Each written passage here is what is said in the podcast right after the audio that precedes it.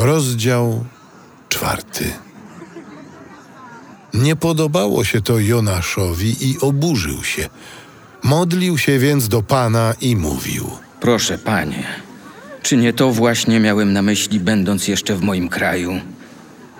Dlatego postanowiłem uciec do Tarszisz, bo wiem, że ty jesteś Bogiem łagodnym i miłosiernym, nieskorym do gniewu i bogatym w łaskę, litującym się nad niedolą. Teraz, panie, zabierz mi proszę moje życie, albowiem lepsza dla mnie śmierć niż życie. Pan odrzekł: Czy uważasz, że słusznie jesteś oburzony?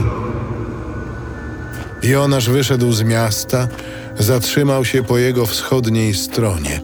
Tam zrobił sobie szałas i usiadł w cieniu, aby widzieć, co się będzie działo w mieście.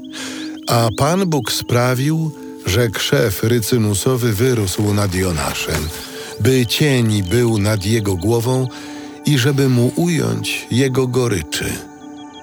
Jonasz bardzo się ucieszył tym krzewem.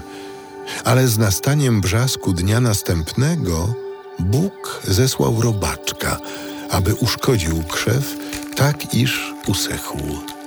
A potem, gdy wzeszło słońce, zesłał Bóg gorący wschodni wiatr.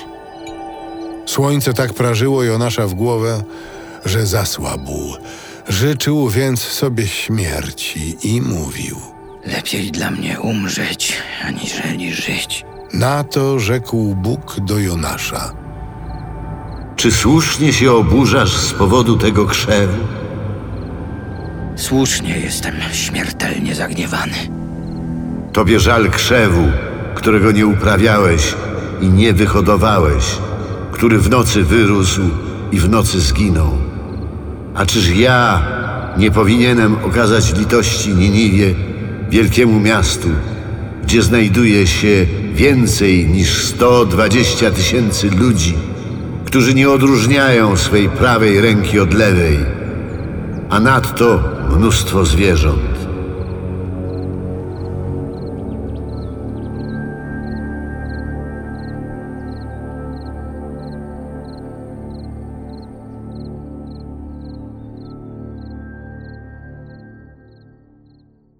Biblia Audio Superprodukcja.